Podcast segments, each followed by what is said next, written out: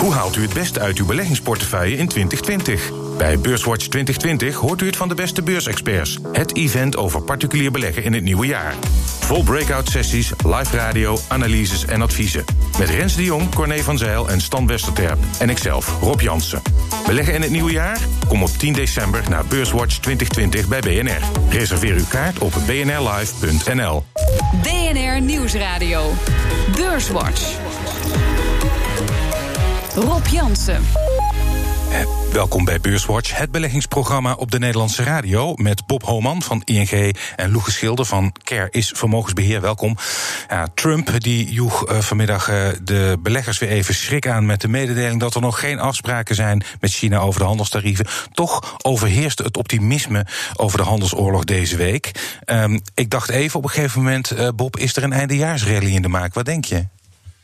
Nou ja, tot nu toe gaat het heel goed. En wat je meestal ziet, hè, als oktober een goede maand is, dan uh, zijn de maanden erop er ook niet verkeerd. En dat komt denk ik ook dit keer wellicht uit, omdat heel veel beleggers nog veel cashposities hebben. Hm. En die voor het eind van het jaar willen die wel laten zien, denk ik, aan hun klanten. Van joh, wij zaten ook in die aandelen die het zo goed hebben gedaan. Dus ja. meestal zie je dat effect wel. Verwacht jij dat ook, Loegen? Ja, ik verwacht het ook. Dus uh, de waarderingen zijn niet al te hoog. De cijfers zijn uh, iedere keer toch beter dan verwacht. Uh, nou, het momentum is goed. Er zat nog heel veel geld in staatsobligaties die een hele negatieve rente hadden. Dus ja, volop mogelijkheden voor een eindejaarsrally. Het was de week waarin PostNL de boeken opende en die konden beleggers niet bekoren. Maar concurrent Cent is overgenomen, dus volgend jaar wordt het allemaal beter, zegt CEO Herna Verhagen. De optelsom, en dat is wat we in mei ook richting analisten en aandeelhouders hebben gecommuniceerd, is dat je in 2020 en in de jaren daarna ja, gewoon een gezond bedrijf hebt. De integraties hebben gewoon tijd, uh, tijd nodig en dat is ook wat we aan de markt hebben aangegeven. De cijfers van aannemer BAM werden een stuk beter ontvangen. Toch ziet topman Rob van Wingen er wel wat donkere stikstofwolken. We zijn natuurlijk allemaal voor duurzaamheid, laat dat geen uh, misverstand zijn. Maar we moeten wel met elkaar goed kijken hoe we dat nou managen. Hè? Want we moeten ook CO2 verminderen. En het zou natuurlijk heel vreemd zijn als de Raad van State morgen zou beslissen dat we morgen geen benzine en diesel meer zouden kunnen tanken. Ik denk dat het Malieveld dan wel heel erg veel te klein is. Dus uh, oplossing moet komen, maar wel uh, met de handrem eraf. En de vrees voor een recessie lijkt af te nemen. Topman David Salomon van Goldman Sachs acht de kans daarop voor de VS klein. I still think when you look at the economic data, when you look at the earnings momentum, we've seen 4 to 5% earnings growth in the US as we're watching the earnings reports. Consumer is still very healthy. I don't see anything that indicates the consumer is weakening. There's no question the industrial, manufacturing part of the economy is slower. But when you look at the whole package, I think the chance of a recession in the near term is, is not significant. geen significante uh, kans op een recessie in Amerika, uh, zegt David Salomon, dus de topman van uh, Goldman Sachs. Um, nou, zou bijna zeggen optimistisch. Bob, deel jij dat? Ja, ik ben altijd wel optimistisch. Uh, maar je hebt duidelijk te maken denk ik, met een groeivertraging overal in, uh, in de wereld. Maar het lijkt erop hè, dat uh, van de zomer, toen veel mensen dachten er komt een recessie, en dat ook wel een beetje in de markt, en zeker in die obligatiemarkt wordt ingeprijsd, dat dat weg is. En ik denk dat het terecht is, want je ziet de economische indicatoren wel bodemen en zelfs ietsje verbeteren vanaf een, eh, een dieptepunt. En dat betekent dat je deze cyclus, die al, wat is het, tien jaar ruim duurt, ja. toch nog even verlengd wordt. En dat dit weer, weer een mid-cycle dip was. Loege, um, uh, ziet dat beeld, hè? David Salomon had het over, uh, met name over Amerika. Als je dan kijkt naar Europa, ben je dan ook, zeg je dan ook van nou, zou, best kunnen meevallen? Nou ja, ik denk dat Amerika er echt wel een heel stuk beter voor staat dan Europa.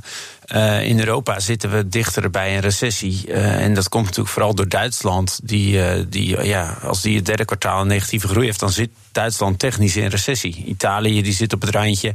Maar ja, de, de, de demografische opbouw van Europa ziet er veel slechter uit dan die van Amerika. Hmm. En, en ik, ik denk een recessie, ook als Duitsland stel voor, die komt volgende week volgens mij met derde kwartaalcijfers. Ja. Als die in de min zijn, zit je technisch in een recessie. Ja. Maar Werkeloosheid loopt niet op. Um, faillissementen nemen niet toe. Het is die automobielsector die in Duitsland echt groot is, die de boel naar beneden trekt. Maar je ziet het besmettingsgevaar echt heel beperkt zijn. En eigenlijk vind ik de veerkracht van die Duitse economie, die zo autoafhankelijk is, dat die het zelfs met een industrie die een jaar lang op schat heeft gelegen, nog ronde nul weet te houden, vind ik eigenlijk best knap. Ja, de consumenten blijven besteden, geloof ik. Hè? Um, Maar het gaat ook helemaal niet zo slecht. Hè? Dus, dus kijk, als er, als er minder mensen werken en, en dan ook nog een tik in die automobielindustrie komt, ja, dan, dan ligt een recessie op het randje. En dat, dat gaat de aankomende tien jaar in Europa niet anders zijn. Mm. Recessie is, is eigenlijk een, ja, die heeft een hele negatieve naklank. Maar dat valt eigenlijk wel mee in Europa. De groei vanwege de bevolkingssamenstelling in Europa, eurozone, brengt met zich mee dat we gewoon geen grote groeicijfers kunnen laten zien. Het is een beetje het Japan-verhaal. Hè? Ehm, en daar zien we het al jaren. Per hoofd van de bevolking doet Japan het volgens mij de afgelopen tien jaar beter dan welk ander blok. Maar als je naar de totale economie kijkt met een krimpende bevolking, dan, dan heb je krimp. Maar de werkloosheid in Japan onder de 3%. Faillissementen niet of nauwelijks. Hè. Spreads op hoog risico obligaties, hè, bedrijfsleningen, nog lager dan hier. Dus ja. Hmm. Ehm, ik uh, zei het al aan het begin van de uitzending. We zien uh, tegelijkertijd de rente uh, hier in Europa ook uh, behoorlijk oplopen. Wat is jouw belangrijkste verklaring daarvoor? Want je zegt, iedereen zegt ja, de ECB die, die koopt op en drukt de rente. En, hoewel die rente al decennia aan dalen is. Maar goed, hij loopt nu ineens op. Wat, wat, ja, leg uit. Ik zou zeggen, het is het uitprijzen van het recessierisico. wat je van de zomer uh, had. Hè. Toen verwachten echt. Nou ja, de kranten stonden vol van. Recessie was het meest gezochte woord op Google. En dat zijn we nu aan het uitprijzen. En dan sta je nu nog steeds. Hè, tien jaar Duitsland, nog steeds min 30 basispunten. Mm. Iets in die geest. Um, en ja, misschien lopen ze wel een keertje op naar nul. Maar uiteindelijk is er ook nog die centrale bank die gewoon het opkoopprogramma doorzet. Uh, dus ik verwacht er ook geen ongeluk uit. Ja, en, en, ik denk ook dat het deflatiegevaar wel geweken is. Hè. Dus uh, de, met zo'n recessie zou dan een stuk deflatie komen. Ja, dat, Dat, dat, dat, lijkt er niet echt te zijn. Uh, ik moet ook zeggen, de, de, de daling naar 0,7% negatief in Duitsland was ook wel heel stevig hoor. Dat, dat ging wel even eh, van dik uit, zag mijn planken. Ja, nu, nu herstelt dat weer enigszins. Maar goed, we zitten nog steeds negatief. Mm. Het is nog steeds natuurlijk extreem dat we mm. op 10 jaar 3% toe willen geven als we geld uh, mogen uitlenen aan Duitsland. Ja, um, gaat dit iets veranderen aan het beleid van de ECB, denk je, als die rente zo aan het stijgen is? Of zal het gewoon, die, die zetten gewoon de lijn die ze hebben ingezet door? Wat denk je? Ja, ik denk dat met wat Draghi als afscheid heeft gedaan van een, op, een nieuw opkoopprogramma en die depositorente naar min een half, dat blijft voorlopig wel eventjes staan. Maar uh, ik denk, uh, er is nu in ieder geval geen grote druk om, uh, om verder iets te doen. Nee. Um, de druk is wel groot uh, op de leiders van uh, China en Amerika. Als we kijken naar het sentiment op de beurzen, dan wordt dat niet zelden bepaald door de uitlatingen van Trump. Vandaag nog liet hij weten dat er, in tegenstelling tot wat we aan het begin van de week dachten. Er zijn nog helemaal geen afspraken over tarieven die misschien worden teruggedraaid. Um, Bob, is dit onderhandelingstactiek of, of nou ja, eens, moet dat, eens, eens, moet dat deelakkoord er toch komen, zou je zeggen. Of er echt een tactiek achter zit. Ik, ik heb sterk de indruk dat wat Trump doet meestal gewoon intuïtief en ja, ja. instinct is. En ach, dan denkt hij, het gaat nu zo goed ik kan misschien wel mijn onderhandelingspositie iets verbeteren. Maar ik zou daar niet al te veel aandacht aan besteden. En ik denk dat er, en wat je nu ziet, het is toch wel een belangrijke wijziging afgelopen week eigenlijk. Van oké, er komt een handelsdeal. Maar nu is het eigenlijk, gaat het ietsje verder. Er komt een handelsdeal waarbij maatregelen die al genomen zijn, zelfs teruggedraaid worden. Ja. Dus de, de, markt is echt wel veel positiever daarover geworden. Um, en dat betekent, Loegen, dat als die deal er komt, dat we dan ook meteen uh, een effect zien op uh, de economische groei, uh, toename van handel? Of, ja, dat zal niet meteen zijn. Hè. Dus ik denk wel dat het vertrouwen dan verbetert. Maar zoals het ook heeft, een tijdje heeft geduurd voordat die maatregelen echt een effect hadden op een lagere economische groei, zal het ook weer een tijdje duren voordat dat effect weer terug te zien is. Hm. Goed, koersen die lopen meestal vooruit op dat soort effecten. Dus koersen zullen er wel snel op reageren. Ik denk dat handel niet toe zal nemen. Eigenlijk zie je sinds de financiële crisis al dat handel nauwelijks meer groeit of zelfs ietsje afneemt. Dat verandert niet. Maar wat je wel terugkrijgt, wat, wat Loe gezegd, het vertrouwen en zeker het investeringsvertrouwen. Heel veel bedrijven stellen denk ik wat investeringen uit vanwege die handelsonzekerheid. Die komen wel weer terug en dat gaat helpen. Ja, en uh, als je dat dan uh, uh, terugkoppelt naar de aandelenontwikkeling, de AX niet de 600 punten aangetikt, maar wel uh, bijna. um, gaat het nog gebeuren trouwens? Uh, wat denk je, Loege? Gaat dat dit jaar nog? Ja? Ja. ja? Wat denk ik weet niet of het voor het einde van het jaar gebeurt, maar het gaat zeker gebeuren. Nou ja, voor het, voor het eind van het jaar gaan we er vast een keer doorheen. Of Ja? we er boven sluiten, weet ik niet. Maar we gaan er Ja. vast een keer doorheen. Ja, maar eh, en, eh, goed, eh, dan, dan staat de AEX. ik heb even op de Reuters terminal gekeken op een koers-winstverhouding van 17. Is dat historisch niet aan de hoge kant, Bob? Nou, het zit ietsje boven de historie. Maar eh, zeker als je het vergelijkt met die rente, is het weer vrij goedkoop. Hè. Dus ik vind de markt is zeker niet goedkoop meer. En eh, eh, tot een paar maanden geleden vond ik de markt echt wel heel koopwaardig, omdat het sentiment echt heel erg slecht was. Ja. Die cashposities zie je nu nog wel, maar je ziet wel, en dat zag je denk ik van de week ook bij heel veel banken, vermogensbeheerders, die toch aandelen bijkopen. Ja, op een gegeven moment is dat weer over. Ja, en dan, dan neemt die markt wel weer ietsje gas terug. Ja, ja maar ja, ja, mm, heb jij hoogtevrees, Loegen? Nee, eh, goed, eh, wat Bob aangeeft. Hè. Dus, dus heel, we kijken naar die koerswinstverhouding. Maar die kun je eigenlijk niet loszien van de lage rente. Als de rente heel laag staat, dan, dan kun je best wat meer voor aandelen betalen. Want nou ja, eigenlijk wat je wel ziet in de vastgoedmarkt... dat vastgoed dat is sky high, omdat die rente zo laag is. Dat zien we bij aandelen eigenlijk helemaal niet terug. Omdat mensen toch bang zijn voor die onzekerheid... vanwege het gedrag van een Trump en dergelijke. Dus ik ben niet... Ja, ik heb geen hoogtevrees. Tegelijkertijd, eh, Bob, we hadden het er eh, voor de uitzending even over. Wat er gebeurt met die rente in Europa, dat is voor obligatiebeleggers best wel een big thing. En als die rente nou. eh, verwacht jij dat die verder gaat eh, oplopen? De- Ja, ik verwacht eigenlijk wel dat hij ietsje, ietsje verder oploopt. Ook om, denk ik, omdat veel van die korte termijn posities, zoals van de week ging het echt snel, wordt vaak met derivaten ehm, gedaan. En dat betekent dat de cashmarkt nog moet volgen. Dan zou je zeggen dat er nog wel ietsje bij kan. Maar ik zie absoluut geen ongeluk. Hè. Be- behalve hè, die, die Oostenrijkse 100-jarige lening is een mooi voorbeeld. Die is iets van 28% teruggevallen sinds de Ja. top van de zomer. Maar ja, dan heb je een 100-jarige lening. Ik denk dat de meeste beleggers die nu nog in staatsleningen zitten, zijn gedwongen beleggers, vaak pensioenfondsen. Die, nou ja, het is natuurlijk niet leuk dat je bezittingen in, in koers dalen. Maar tegelijkertijd wordt je eh, re- rente, eh, rekenrente weer een stuk beter. Dus die Ja. zullen er per saldo ook blij mee zijn. Maar over het hele jaar staan ze natuurlijk nog steeds dik in de plus. Hè? Mm, Dus ja. het is alleen een stukje minder winst. Ja, Ja, tenzij eens, je op, ja. het, op, op, op het allerhoogste punt hebt aangekocht. Ja. Dat is Ja. niet handig. Ja, ja mijn, mijn simpele gedachte is: de rente loopt op. Dat heeft meestal een drukkend effect op, op aandelen. Dus misschien kan dat op een gegeven moment gaan doorwerken. Dat zag, ja, dat is dit, dit keer denk ik ietsje minder. Dat zag je natuurlijk eind vorig jaar heel sterk. Omdat toen de centrale banken eh, gingen verhogen. Nu zie je wel de lange rente iets oplopen. Maar die centrale banken, nou, die hebben eigenlijk wel gezegd... van eh, verhogen doen we voorlopig echt niet. Ja. Ehm, dus dat risico is, is wel een beetje weggevallen. Zometeen dan praten we verder over beurs en economie. Onder andere over de cijfers van PostNL en BAM. BNR Nieuwsradio. BNR Beurswatch. We bespreken de belangrijkste beursontwikkelingen van deze week. En dat doe ik met Bob Homan van ING en Loege Schilder van Care is Vermogensbeheer. Eerst maken we even de balans op van de afgelopen week. De AEX sloot vandaag op 596,5 punten. En dat is 2,7% hoger dan vorige week. Stijgers. Op 1, ArcelorMittal kreeg er deze week 10,4% bij. Op 2, Ahold Delhaize met een plus van 8% En op 3, Alberts Industries met een plus van 7,8% En het midcap aandeel dat het best presteerde deze week was Aperam met een plus van 17,7% Dalers. de grootste daler deze week, en het valt mee, Vopak, een min van 2,2% Wolters Kluwer verloor in een week tijd 1,4 Op 3 zien we niet vaak Heineken met een minnetje van 0,7% In de midcap was de grootste daler deze week PostNL met een min van 5,5% En de AEX is deze week vier van de vijf handelsdagen hoger gesloten. Ehm, eh, laat ik aftrappen met eh, PostNL.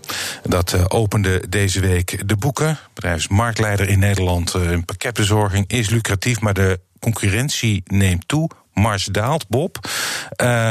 Ben je net zo teleurgesteld als beleggers? Nee, want ik ben nooit zo'n PostNL-fan geweest. Omdat ik vind, hè, die brief, eh, brieven, dat is een uitstervend iets. Hè. Ja. Oké, kan je misschien nog wat geld aan verdienen. En die pakketjes, ja, het verbaast me niks dat die marge omlaag moeten. Want het is zo'n makkelijke markt. Hè, ondanks dat er in die pakhuizen echt wel technologie zit. Ja. Maar voor toetreders. En je hebt best wel een paar hele stevige concurrenten. Ja. Eh, en waarbij ook nog de kans is dat. Amazon komt naar Nederland. Die doet een deel van die bezorging ook weer zelf hè, in andere landen. Ja. Dus ja, ik vind het wel. eh, ik, eh, ik geloof er niet erg in. Loegen, geloof jij er ook niet in? Nee. Nee? Um, nou, dan kan ik toch maar even advocaat van de duivel spelen. Um, dividendrendement 12,6 procent. Als we het kunnen blijven betalen. Dat is natuurlijk altijd met hele hoge dividendrendementen. Mhm. Ja, je kunt een hoog dividend hebben omdat je winst stijgt. Of je kunt een hoog dividend hebben omdat die koers is gezakt. En meestal, als de koers is gezakt, dan is dat een voorbode van dat het dividend naar beneden wordt bijgesteld. Mm. Dus uh, PostNL voor jullie allebei uh, een no-go. Ga ik naar een sector die bij veel van mijn gasten hier bij Beurswatch uh, niet erg populair is, namelijk de bouw. Uh, we hoorden aan het begin van de uitzending topman van Wingerde van BAM. Um, drama van de dure zeesluis in IJmuiden, dat is zo goed als de rug, uh, achter de rug. Maar zie daar de stikstofcrisis, de PFAS-regels, dat gaat om grondvervuiling, wat een hele dure kostenpost is voor aannemers. Die maken het heel erg moeilijk voor de bouwers. Um, toch zijn die cijfers uh, enthousiast ontvangen, Bob. Waarom? Leg mij uit. Nou ja, omdat er eindelijk een klein beetje marge in zit. En er geen grote, grote afschrijving op iets is. Er was volgens mij nog 1 miljoen hè, op de zeesluis. Ja, ja. Um, dus ja, en, en, ik denk dat de restanten uit de crisis, hè, waar projecten op hele lage marges zijn aangenomen in de concurrentie. En, in en waar je intussen last van hebt, omdat de productiekosten flink zijn gestegen. Hè, zowel arbeid als, uh, als de spullen die je nodig hebt. Dat is over. Ja, dan moet het natuurlijk wel nog opgelost worden. Uh, het stikstofverhaal. Uh, dus het moet wel doorgaan. Want anders trappen we weer in diezelfde valkuil.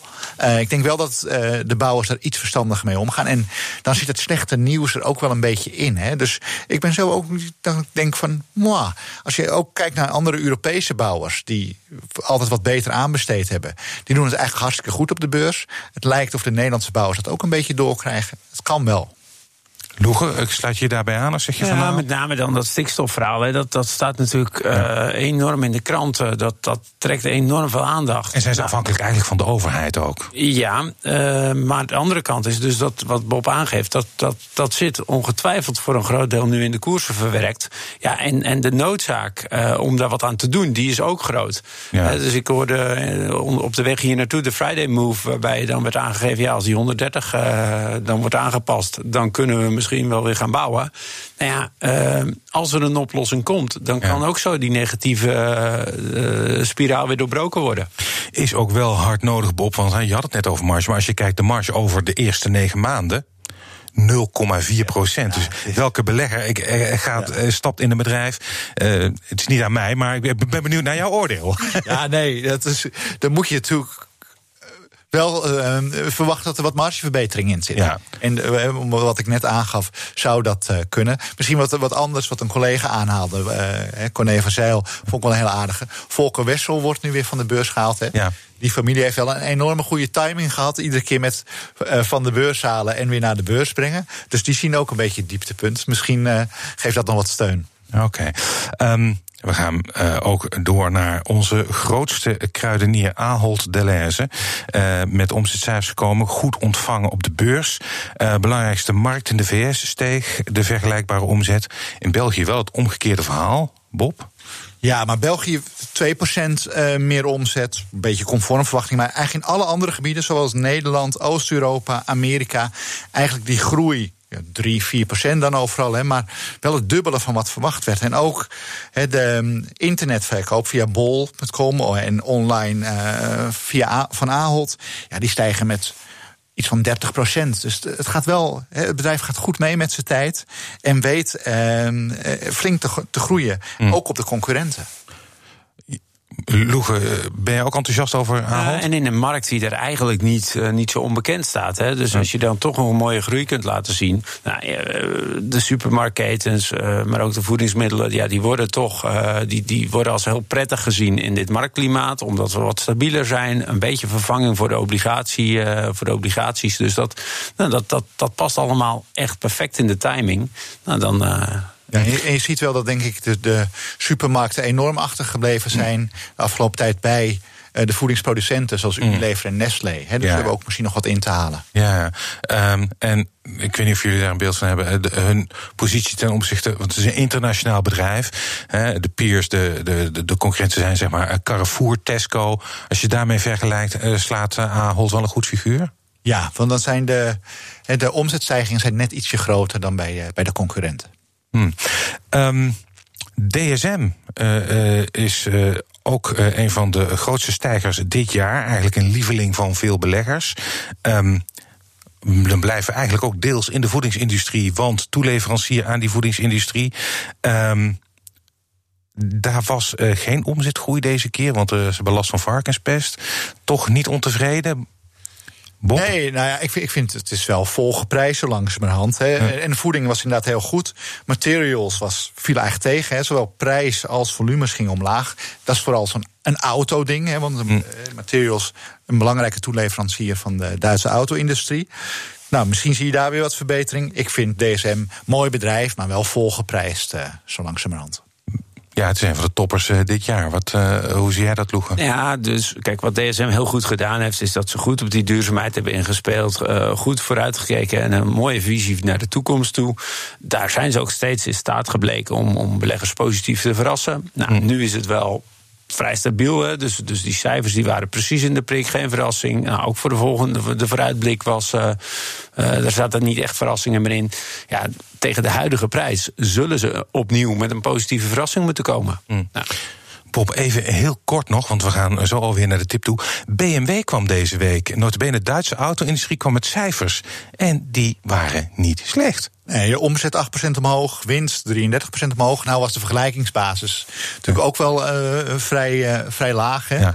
Uh, maar ja, het is gewoon goed. En, en dan zie je die, die sterke merken. Uh, die blijven toch verkocht worden. Ja, ja, echt van een lichtpunt voor de hele Duitse auto-industrie misschien. Ja, mits uh, op, op tijd overgaan op elektrisch. Ja, ja dat, dat, dat werd natuurlijk wel duidelijk gezegd. Hè. Dus een deel, kwam, een deel van de goede cijfers kwam uit kostenbesparing. En uh, ja, we moeten wel de marge op de goed verkopende modellen moeten we gaan gebruiken voor elektrisch. Want anders hebben we over een paar jaar weer een probleem. Maar goed, ze, ze kwamen van 4,4% marge naar 6,6%. En de doelstelling is nog 8 tot 10% marge. Ja. Dus er is ook nog heel veel ruimte voor verbetering. Ja, um, nou, ik zei al, uh, we zijn aan het eind van de uitzending. En dat betekent dat uh, de luisteraar met spanning wacht uh, op jullie tip. Bob, wat is jouw tip voor de luisteraar deze Dat is het Deense bedrijf Orsted. Dat is een, uh, een bouwer en uh, ze exploreren uh, windparken. En, en er worden heel forse investeringen gedaan in, in alternatieve energie, vooral in windenergie. Um, de omzet voor de komende jaren ligt eigenlijk al vast. De Deense overheid heeft zich ook gecommitteerd om tegen een bepaalde prijs af te nemen. Dus er zit flinke winststijging in. Het is wel duur voor een nutsbedrijf. Je betaalt meer dan 30 keer de winst. Maar zeker die vrij zekere groei um, vind ik het een kanshebber. Orsted uit Denemarken. Ja. Loege, jouw tip? Ik ga juist voor ondergewaardeerde bedrijven, dus value bedrijven.